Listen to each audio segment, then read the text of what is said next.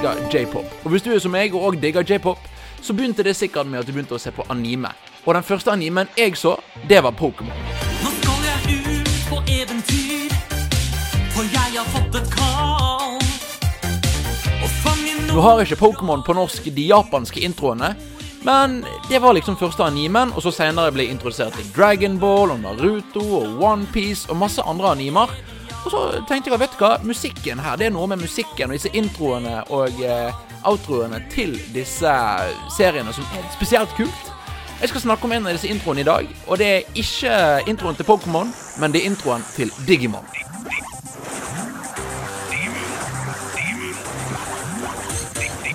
Her i Norge så hadde vi en eh, sang som eh, var hentet fra den amerikanske dubben, som da var Digimon-rappen som var grei, den. Men jeg skal snakke om den japanske introen, 'Butterfly'.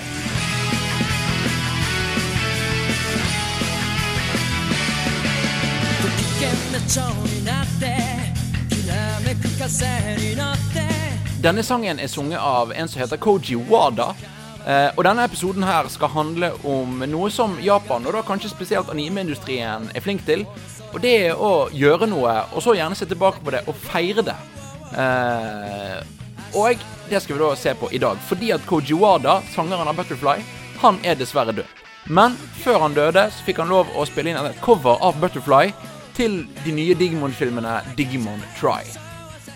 停止してイメージしてだけど頼りない翼でもきっと飛べるぜ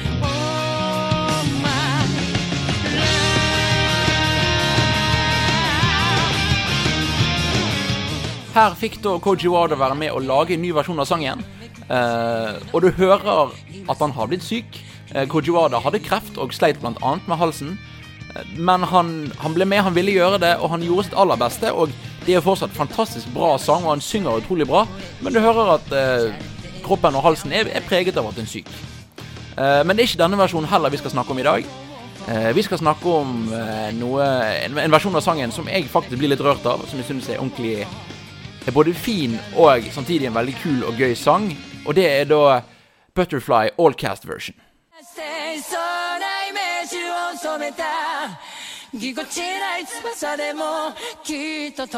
し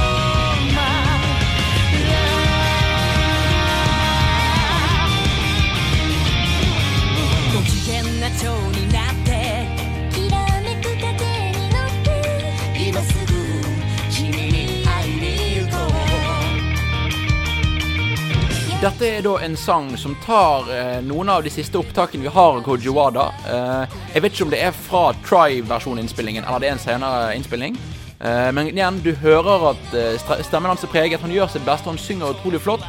Men han har en, det er en syk stemme. Eh, igjen, han døde jo av kreft. Eh, og så har de da puttet det sammen med resten av stemmeskuespillerne fra Digimon Try, som er da de som spilte karakterene originalt på 90-tallet når serien kom ut. Eh, og da synger de da denne sangen sammen. Og da spesielt da Det er litt trykk på at eh, skuespillerne gjør dette for å ære Kojiwada og hans bidrag til å da eh, lage en sang som er Digimon i Japan, på samme måte som at vi har den engelske eller norske Pokémon-sangen er Pokémon for oss, og gjerne for hele Vesten. Så er da Butterfly er Digimon.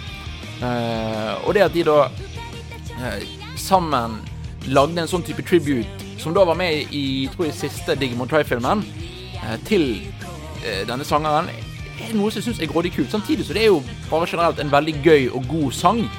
Eh, så jeg syns det er en veldig fin kombinasjon. Og et, det var vokalisten i et band som heter J-Music Ensemble. Jeg har egentlig sagt det best på best måte.